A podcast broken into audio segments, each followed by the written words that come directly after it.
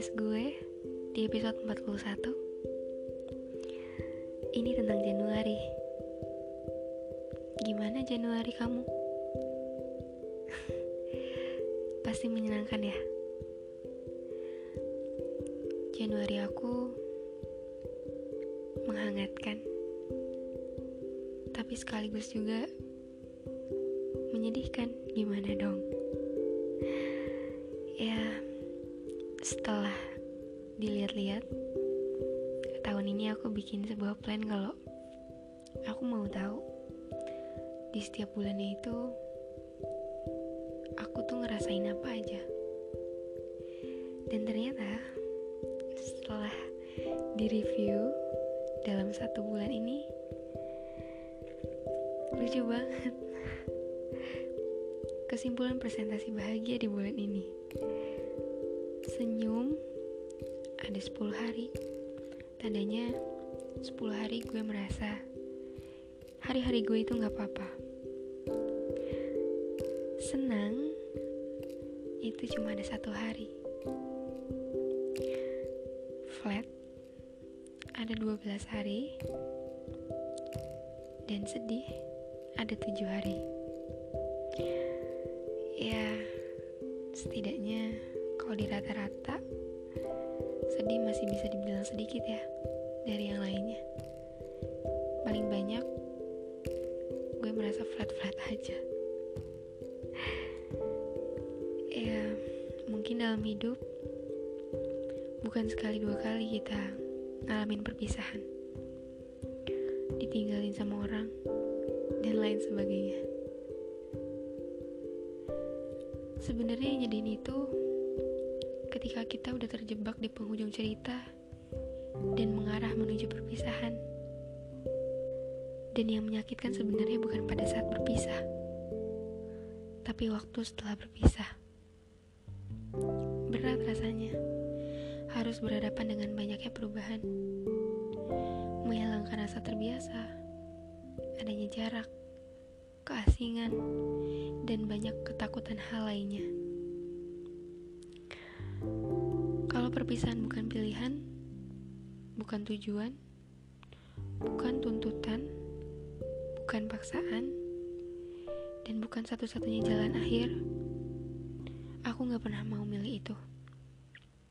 Asli deh, seterbiasa dan sekebal apa pun kita sama perpisahan, gak akan ngebuat dan ngejamin bahwa di setiap perpisahan kita akan selalu baik-baik aja.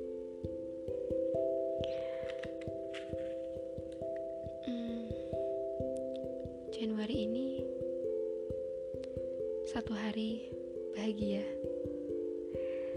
Tepatnya di antara tanggal 12 dan 14. Januari ini apa ya? Menjadi pembuka sekaligus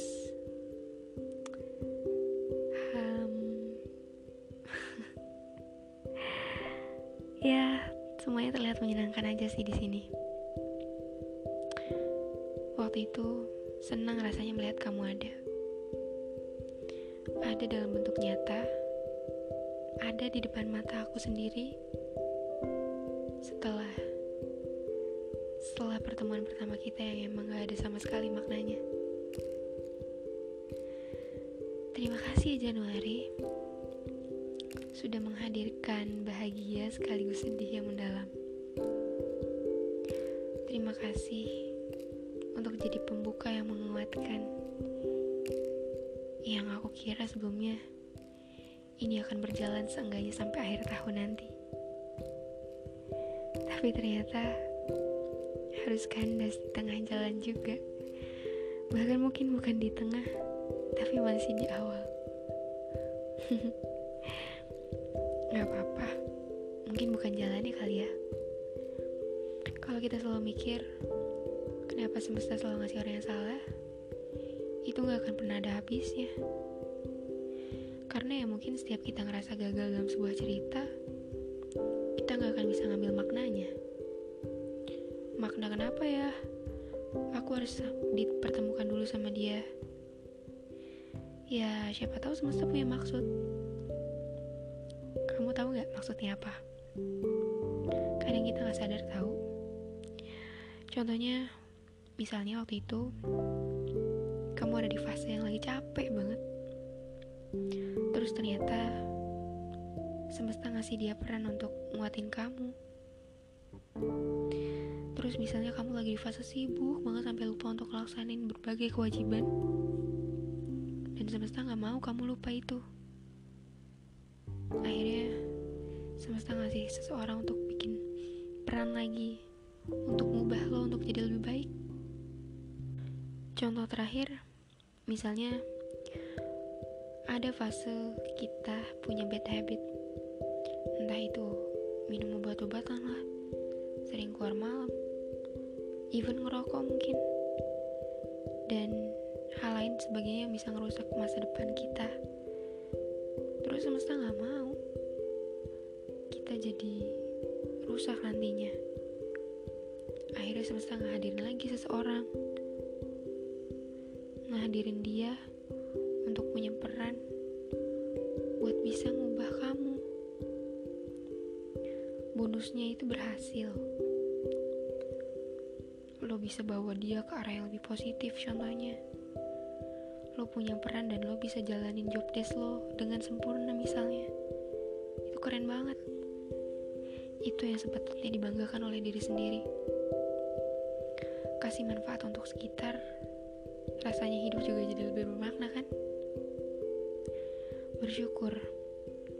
Bersyukur sih walaupun sekalinya lo itu gagal patah jatuh. Karena ya itu bagian dari proses. Terakhir mungkin ada satu hal yang ingin aku sampaikan di penghujung Januari ini. Semoga kamu dengar karena ternyata kayaknya aku gak bisa ngucapin ini secara langsung lagi. Ternyata keberanian aku udah cukup takut.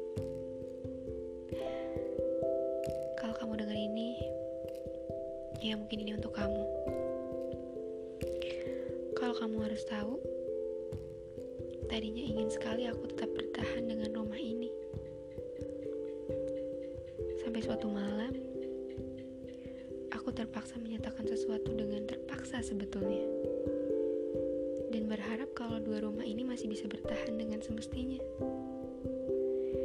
Malam itu aku ngebuang ego, ngebuang rasa malu, dan semua hal lainnya yang mengganggu pikiran aku waktu itu.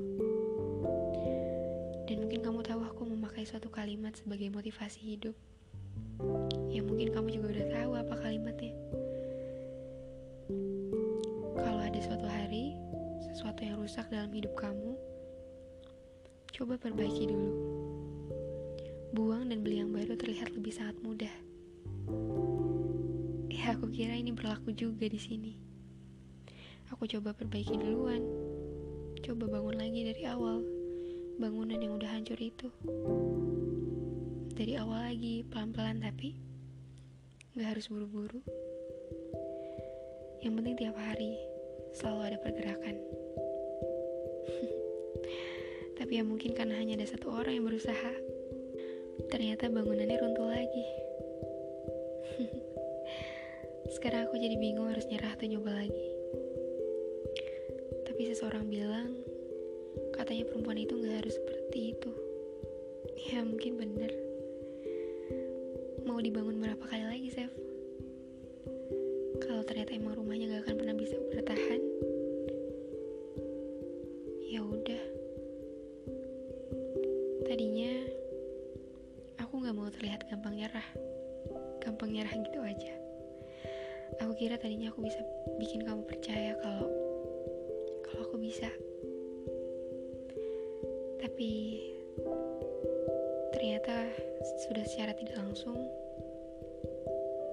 kayaknya kamu harus nyerah, Chef. Udah ya. Biar ini jadi cerita aja di bulan Januari. Sudah terlambat untuk kamu sedih sekarang. Dan mungkin kamu gak perlu khawatirin dia lagi tiap harinya. Buat kamu, sehat-sehat ya. Aku gak mau dengar kamu sakit karena kecapean. Sering senang ya. Besok kita coba lagi di Februari. Kamu udah siap patah hati lagi?